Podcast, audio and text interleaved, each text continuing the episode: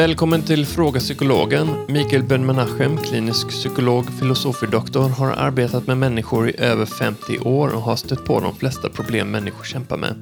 I denna podd besvarar Mikael lyssnarnas inskickade frågor. Här vill han hjälpa människor helt kostnadsfritt med sina bekymmer. Han gör det också för att han tycker mycket om sitt yrke och vill dela med sig av sina kunskaper.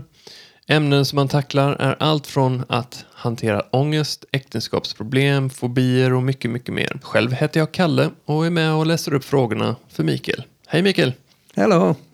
Vi har fått många meddelanden från lyssnare som är förtvivlade eh, och de är förtvivlade just att de inte hittar partners eller de har väldigt svårt att göra det.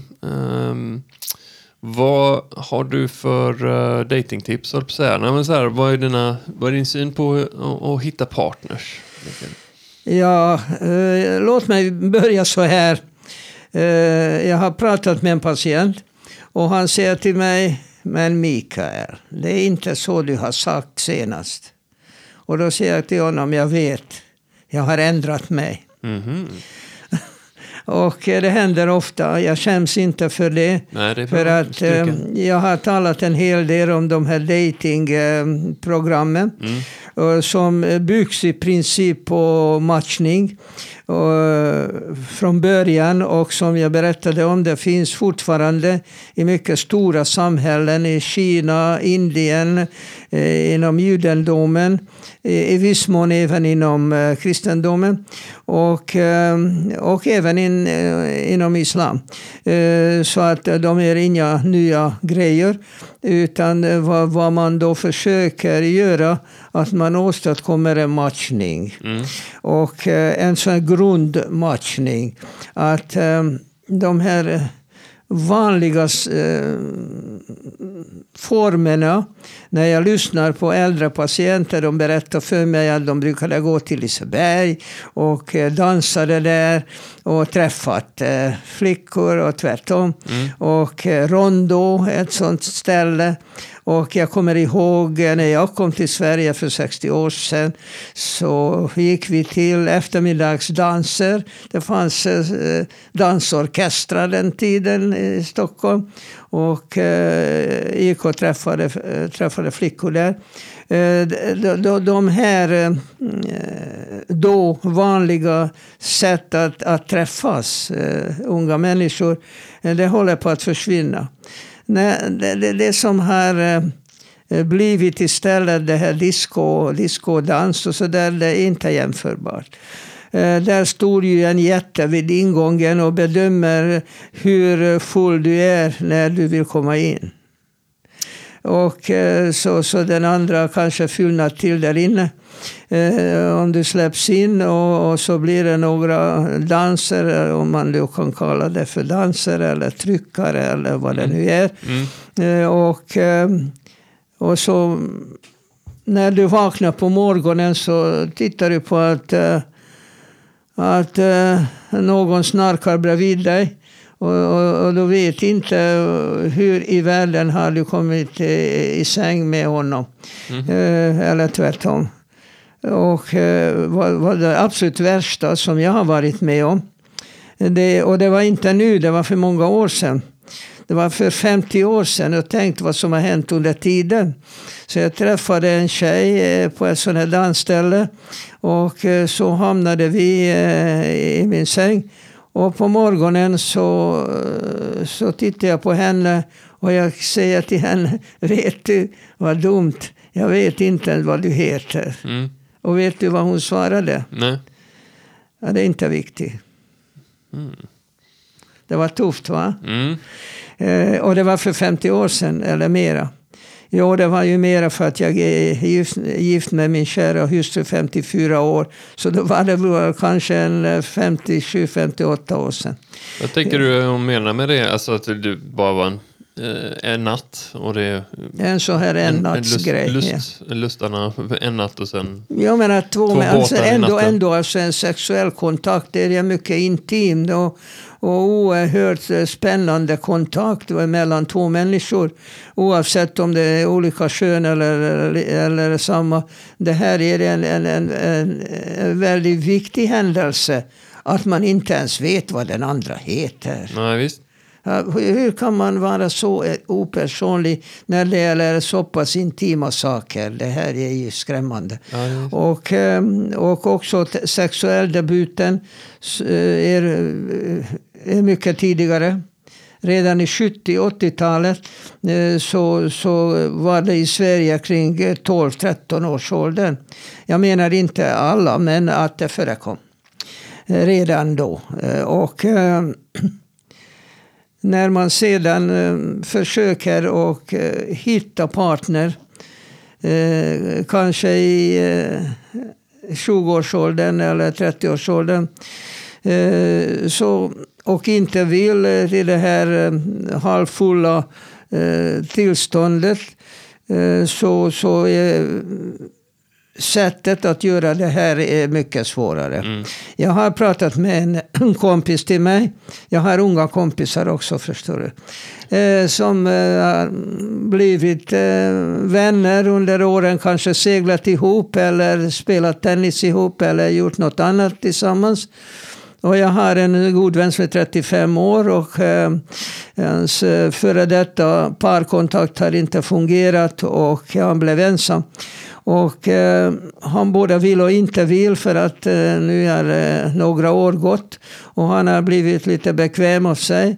Och, eh, men eh, försöker ändå att eh, hitta rätt partner. Och eh, han berättar eh, för mig att eh, han har försökt med de här olika datingprogrammen att, att eh, han har inte riktigt förstått vad folk vill ha. När, när vederbörande eh, anmäler sitt intresse. Och det som är mycket populärt i Sverige det är Tinder. Och eh, jag vill inte göra någon dålig reklam för Tinder. Eh, men eh, jag har läst om en kvinna som har varit eh, på Tinder och gjort 30 000 klick under ett år. Ja. 30 000, Kalle. 30 000.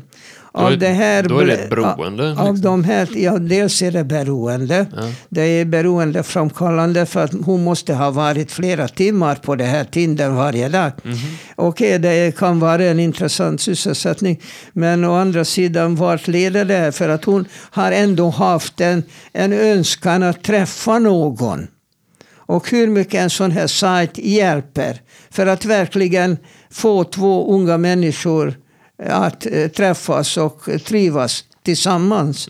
För att de här gamla eh, matchningsprogrammen som finns och fanns i gamla samhällen och religioner, de fungerar inte på det sättet. Eh, Eh, de, de här matchningsprogrammen de fungerar inte alls som ett- matchningsprogram. De är inte det.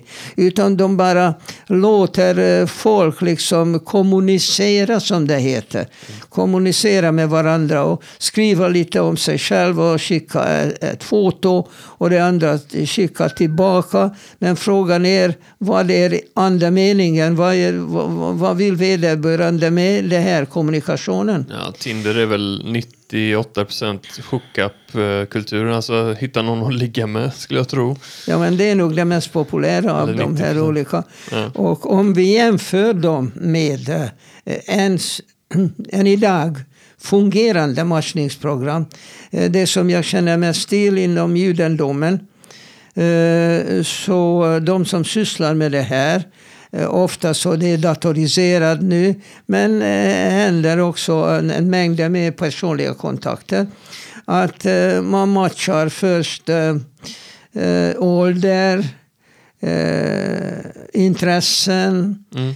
eh, social grupp, utbildning, ekonomi.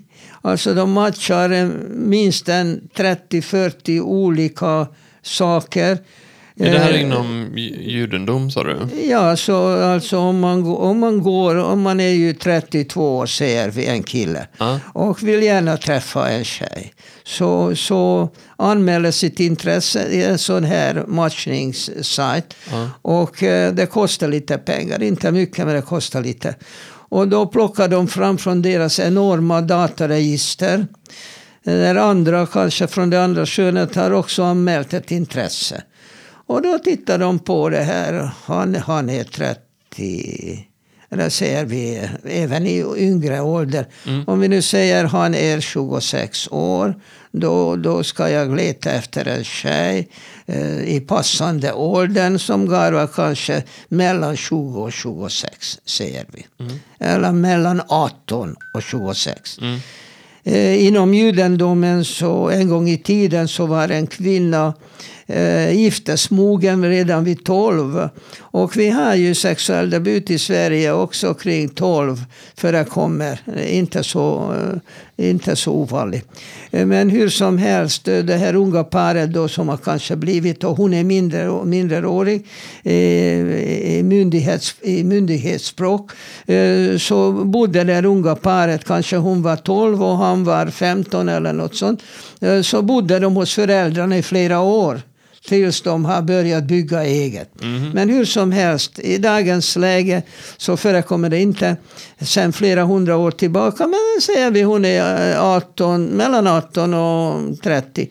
Och eh, om, om hon tittar på en kille, han är 26 och jag ska leta efter en tjej mellan, säger vi 18 och 26. Mm. Och så hittar hon eh, hundra sådana. Och så tittar på vad, vad är det hon gör. Eh, hon är universitetsutbildad, eh, eller gymnasieutbildad eller vad. Och så titta på också eh, intressen och vad jag är intresserad av eller i, just när det gäller religion så är det också en viktig aspekt om vederbörande är religiös eller inte. Mm. Och om religiös, eh, hur mycket och så vidare. Gå till eh, om, eh, kristendomen, om gå till mässan varje söndag eller då och då eller två gånger om året. Sådana matchningsgrejer. Ja. Och eh, sedan går du efter ekonomin, titta på familjen. Vad sysslar de med? Hurdan är deras ekonomi? Hur utan är, är deras, um, deras umgänge och så vidare. Mm.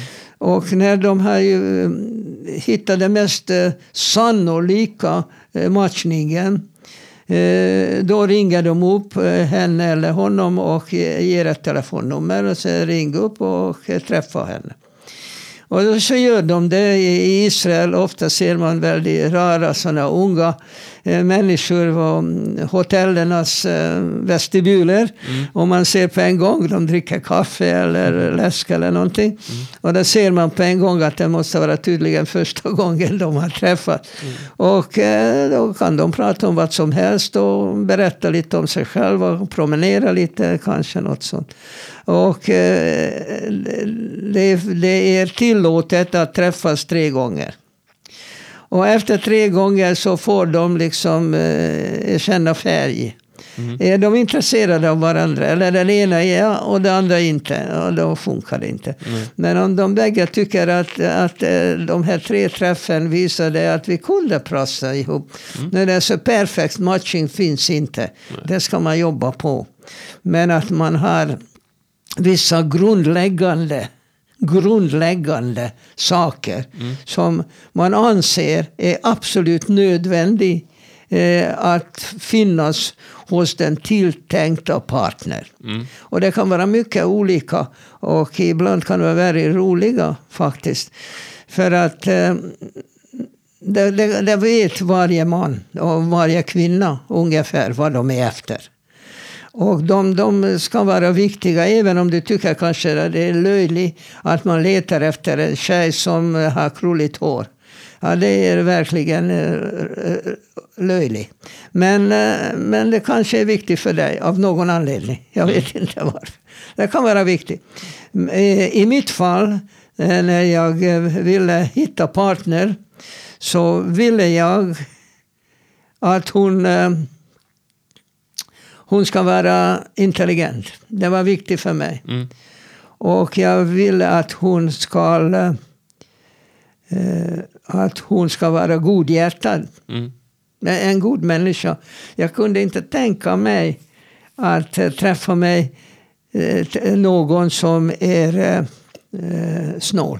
Mm. Det var oerhört viktigt för mig. Mm. Och jag har en hel massa bekanta och vänner som är snåla.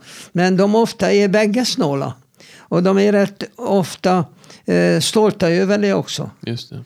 För att eh, det, det ger ett tillfredsställelse när jag ser att, eh, att, eh, att jag har sparat istället för att slösa. Mm. Och de har bägge samma inställning. Det är enormt viktigt. Ekonomin är enormt viktig i sammanhanget. Mm. Och det är inte så som i den gamla vitsen när den lilla skotska pojken kommer hem stolt över sig själv och säger Pappa, jag har sparat, jag vet inte vad de har, shilling. Eh, varför, säger pappa. Jo, jag tog inte vagnen, jag sprang efter vagnen.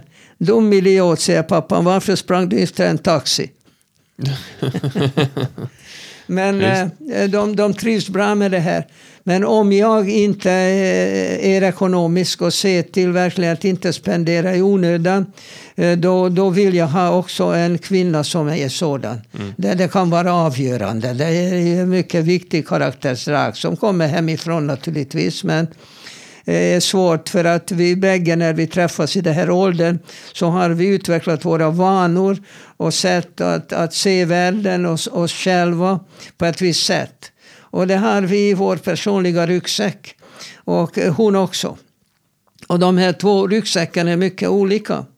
Eh, så att om vi vill att det här, vi, vi slår ihop de här grejerna, att de verkligen kan fungera i en ny ryggsäck som är gemensam eh, Det är inte lätt. Nej. Och eh, det kan vara elementära saker som, som gör att, att ett par inte fungerar. Att eh, tolerera en hel massa eh, tankar och sätt som den andra vill ha, det är en svår konst. Verkligen. Min pappa brukade säga att anpassningskonsten är kanske den svåraste konsten i världen. Och eh, det ligger någonting i det. Även om han har läst det någonstans. Jag vet inte. Men bara efter sådana matchningar eh, så träffas alltså det unga paret. Och det är inte ett par än. Men förutsättningarna eh, är bättre. Och så fungerar det i Indien, så fungerar det i Kina, så fungerar det fortfarande i många andra länder. Så att eh, när vi tittar på våra svenska ungdomar och, och börjar klicka på de här datingprogrammen så som mina patienter berättar för mig så, så ofta så förstår man inte riktigt varför någon presenterar sig själv i det här Tindern till exempel. Okej. När, och, och, och av de här svaren så, så blir det inte liksom en, en, en kontakt. Kanske de växlar eh, några sådana här eh, meddelanden till varandra. Jag har haft en eh, patient häromdagen och han har faktiskt träffat en tjej på Tinder. Mm. Eh, De, de bor inte på samma ställe, men de verkar ju vara intresserade av varandra. Och nu efter två månader så har de pratat med varandra varje dag. Lite grann om Mm. vad gör du idag och, och så där. De har inte träffat än. För att eh, han har inte fått det ledigt och kunde inte resa till henne. Mm. Och då säger han till henne häromdagen eh, för att hittills har de, vad kallas de, de här eh, kontaktmöjligheterna att, att, att du behöver inte hennes telefonnummer. Nej. Kan, över Messenger? eller? Messenger, det är vad jag letat efter. Ja. Messenger. Ser du ett ord som jag inte kommer ihåg? Ja. Mera rödvin. Ja. Ja. Häller upp här. Hur som helst så uh, han säger till henne, men nu har vi pratat med varandra ett par månader och eh, eh, vi trivs rätt så bra med den kontakten. Kunde jag få ditt telefonnummer? Vet du vad hon svarade? Nej. Det var för tidigt. Oj. Ja. Och eh, det, det kan man ju tolka på olika sätt. Hon har kanske, jag sa till min patient att du kanske, eh, hon har, han är 35 och hon är 33 så att de passar bra ihop i åldern och hon har inte varit gift och inte har barn. Och eh, tydligen med tanke på åldern så hon är intresserad av att, att träffa någon. Men de är inte matchade. Eh, Det här Tindern matchar inte. Nej. Utan eh, du kan fritt liksom hoppas att, eh, att ditt foto och hur du beskriver dig själv skulle locka någon. Mm. Och det, det, låter så för ett tag. Och, och sen så det, det liksom bara ebbar ut. Och de flesta berättar för mig att Ja, de försöker och försöker och försöker och eh, tydligen så en del bara roade av den här kommunikationen. Ja, få lite eh, uppmärksamhet och lite... Ja, ja, just det. Att, eh, den de gör för, för sakens egen skull. Nej. Bara för att kommunicera och inte tänker ett ögonblick på att det här kan bli någonting av det här. Ja, och en del tycker att ju flera sådana har jag hängt på mitt bälte, desto roligare. Ja, så. eller man får väl ha nästa hit liksom. Sådär. Oh, det är någon ja, som, bekräft, ja, någon som bekräftar mig. Ja, så kan skryta hos kompisarna i krogen att jag har minsann eh, hittat 20 stycken, 30 stycken. Och sen, och sen. Och vad blir det av det här? Ja, vad, vad, är, det, är det så stolt? Eh, man blir så stolt över det här. Alltså jag läste en grej för ett tag sedan i GP om att eh, läkare i läkaryrket var, eller är en av de yrkena där folk hittar sina partners eh, på jobbet. Alltså läkare träffar andra läkare och, och de gifter sig. Jag tror det är den, den, det yrket som är högst eh, vad de har mätt. Och jag pratade med en kompis som är läkare på Sahlgrenska och, och eh, han sa det och jag tror jag känner igen det själv liksom, även om jag är undersköterska att eh, dels är det ju, läser man många år tillsammans eh, och kursar sådär men, men även på jobbet så, så är man med om rätt intensiva eh, sam, situationer tillsammans så att man får se man får gör, liksom, eh, uppleva kriser och lösa saker tillsammans i rätt pressade situationer så man ser till skillnad mot någon som går på en Tinder-date och kanske får en liten kick liksom, när man blir bekräftad. Men sen är det rätt mycket artigheter och rätt liksom, tamt på många sätt. Eh, får man, då får man ju bara se en väldigt liksom, ensidig bild av varandra när man dejtar på det viset. Men två stycken som kanske är lite attraherade av varandra, på, till exempel två läkare, och sen är med om en del liksom, svåra patienter tillsammans, man löser det eller man, bon, man bondar i kriser också. Liksom. Och man får se varandra i olika ljus också, se hur man hanterar kriser, vem man är. Ja, ja och nej. Eh, jag har läst en bok nyligen eh, som handlar om ett eh, svenskt sjukhus någonstans på landet i 50-talet när polioepidemin härjade i Sverige. Mm. Och det är som du säger, det var ju inte ovanligt att en läkare, en ung läkare, gifte sig med en sköterska. Mm. Och eh, för att, som du säger, eh, läkaren hade den högsta status i den här eh, vårdpyramiden. Och läkare och översköterskan och sjuksköterskan och sjukvårdsbiträden och annat folk kring också kontorsfolk och så vidare på ett sjukhus. Mm. Och eh, i den tiden som den här boken handlar om, det var mycket intressant. För att eh, den här tjejen som gifte sig med en läkare, hennes sociala status höjdes oerhört. Eh, då, då eh, kunde hon kalla sig för doktorinnan. Och det var rätt så roligt att eh, jag hyrde ett rum i Uppsala när jag började studera. Och då eh, den här eh, damen som hyrde ut det här rummet till mig, hon kallade sig för professorskan. Och eh, då, då har jag varit i Sverige bara i sex månader. Och min svenska mm, dög inte riktigt. Men jag var ju vetgirig. Och jag frågade henne, ursäkta men professorskan betyder att ni är gift med en professor eller ni en kvinnlig professor? Mm. Och hon, hon blev förnärmad. Hon tyckte inte om frågan. Alltså det, det, var ju tydligen så att hon var gift med en professor. Skulle hon vara en kvinnlig professor som min fru är, eh, då, då skulle hon inte vara förnärmad. Men eh, samhället var sådant mm. då. Att det, det var en stor eh, Eh, lyft i, i samhällsklasskarusellen. Idag är det inte så och eh, nästan tvärtom. Alla duar ju varandra, eh, det är självklart. Det var inte självklart för 60 år sedan när jag kom till Sverige. Det var ju oerhört att, att man dyade varandra så här.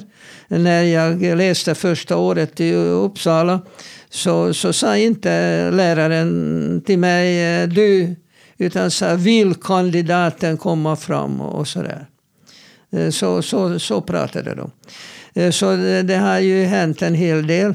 Och som du säger, ofta unga läkare gifter sig med varandra. Och det har ju sina egna problem också, att de bägge är mycket upptagna åt sitt håll. Och eh, då måste ju verkligen sätta sig i lugn och ro och diskutera att jobbet är här, jobbet är där och vad är det som vi har när vi är hemma. Ja, Fram, framförallt när barnen börjar komma. Ja, jag tog det som ett exempel på just hur mänsklig bond, att bondande liksom eh, sker.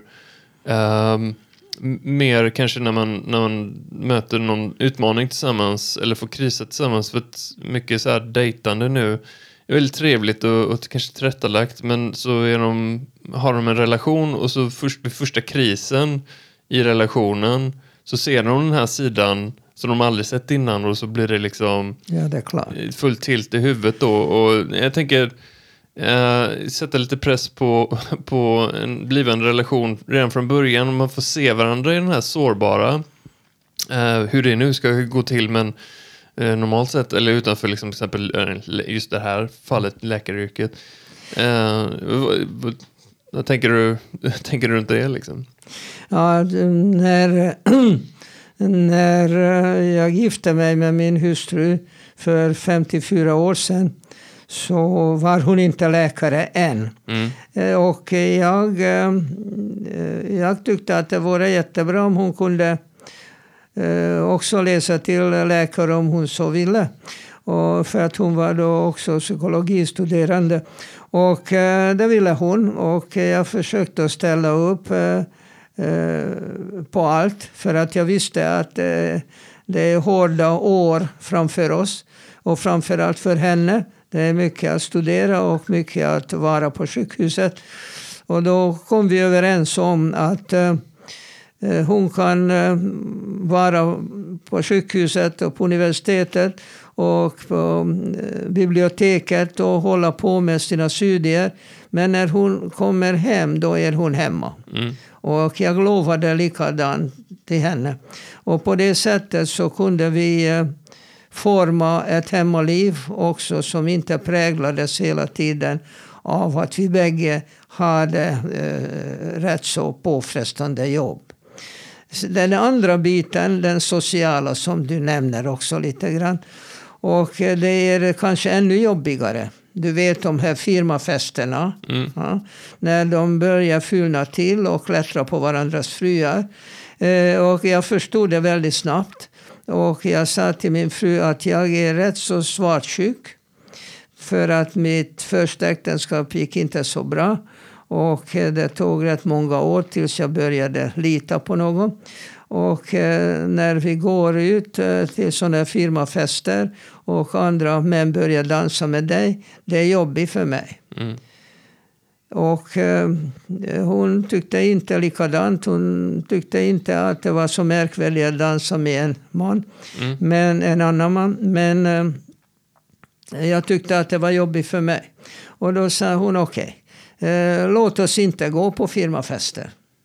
Det är en väldigt lätt eh, lösning. Mm. För att annars så får de diskutera. Ska vi gå? Ja, ja, okej. Okay. Så ska vi dansa? Ja, nej, ja, okej. Okay. Mm. Ska vi dansa tryckare? Ja, nej, ja, okej. Okay. Eh, ska vi gå ut och få lite frisk luft som det heter? Mm. Med en annan mm. kvinna, man? Ja, nej. Ska vi åka hem tillsammans efter festen. Eller så dyker du upp någon gång på morgonen. Ja, nej.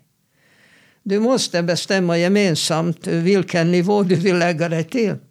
Och då måste man hela tiden ha i bakhuvudet eh, hur det här gemenskapen mellan oss eh, kommer att fortsätta. Hur, hur kommer vi efter en sån här eh, kväll när du kommer hem på morgonen från någon annan? Hur kommer det här eh, parrelationen fortsätta. Mm. Det är mycket allvarligt och många gånger eh, folk, framförallt när de är lite onyktra, eh, tänker inte riktigt på. Och det, det leder till stora problem. Men låt mig eh, sammanfatta lite grann vad jag försökte prata om. Ja. Och det är att de här matchningsprogrammen, om de verkligen inte är byggda på matchning, då tycker jag de är tämligen dåliga. Mm. Jag menar den här kvinnan som har klickat 30 000 gånger under ett enda år och fått ungefär fem napp och eh, en enda dejt mm. som inte funkade, men det är en annan sak.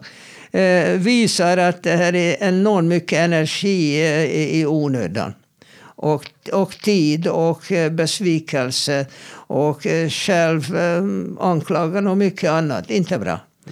Så vad är det där jag rekommenderar? Vi har fortfarande så att säga mera naturliga eh, kontaktmöjligheter. Mm. Och då tänker jag eh, hobby, kurser, resor, kyrkliga aktiviteter, sport. Så det finns mängder med, eh, med plattformar som det heter idag. Eh, där man på ett mer naturligt sätt kan träffa någon. Mm. Och av någon anledning så nu när det inte längre finns sådana här dansställen och stororkestrar och man inte har lust att gå till sådana här diskotek så tänker man det finns inget annat. Det är inte sant, det finns en hel del annat. Mängder med kurser. Jag menar, de sitter där och målar eller lär sig franska eller någonting. och så har de kafferast och, och de sitter 20 unga människor i den här gruppen. Det finns ju enorma möjligheter. Inte tala om kyrkliga aktiviteter oavsett vad gäller för Uh, typ av, av uh, kyrka eller religiös uh, Eh, samfund. Eh, de har ju mängder med aktivitet för yngre människor. Där kan man också träffas. Mm. Och även på resor. Många resor, reser ensamma och hoppas på att kanske träffa någon. Och reser två och två eller ofta två tjejer reser tillsammans till Mallorca eller någonstans. Och eh, då så ligger de där vid eh, playan eller vid poolen eller äter middag eller vad vet jag vad. Ja, det finns ju mängder med eh, mera naturliga sätt att träffas. Ja.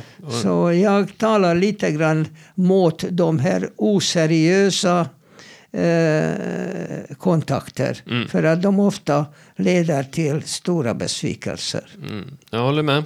Och det jag hoppas inte det där att träffas i verkligheten eh, blir en utdöende art, en utdöende konst. Nej, unga människor kommer alltid att träffas. Det hoppas jag också. På något sätt. Jag eh, kom ihåg att, eh, att mängder med, med unga människor träffas redan i skolan. Mm -hmm. Jag har träffat en hel del som träffades i gymnasiet. Just det eller på universitetet. Eller, eller på arbetet som du säger. Mm. Och, ehm, så att eh, vi får inte vara så negativa när det gäller det här. Nej. Och bara för att det finns så många kontaktytor så betyder det inte att de eh, skapar en, en god och varaktig kontakt. Mm. Med det avslutar vi det här poddavsnittet och tackar för det Mikael.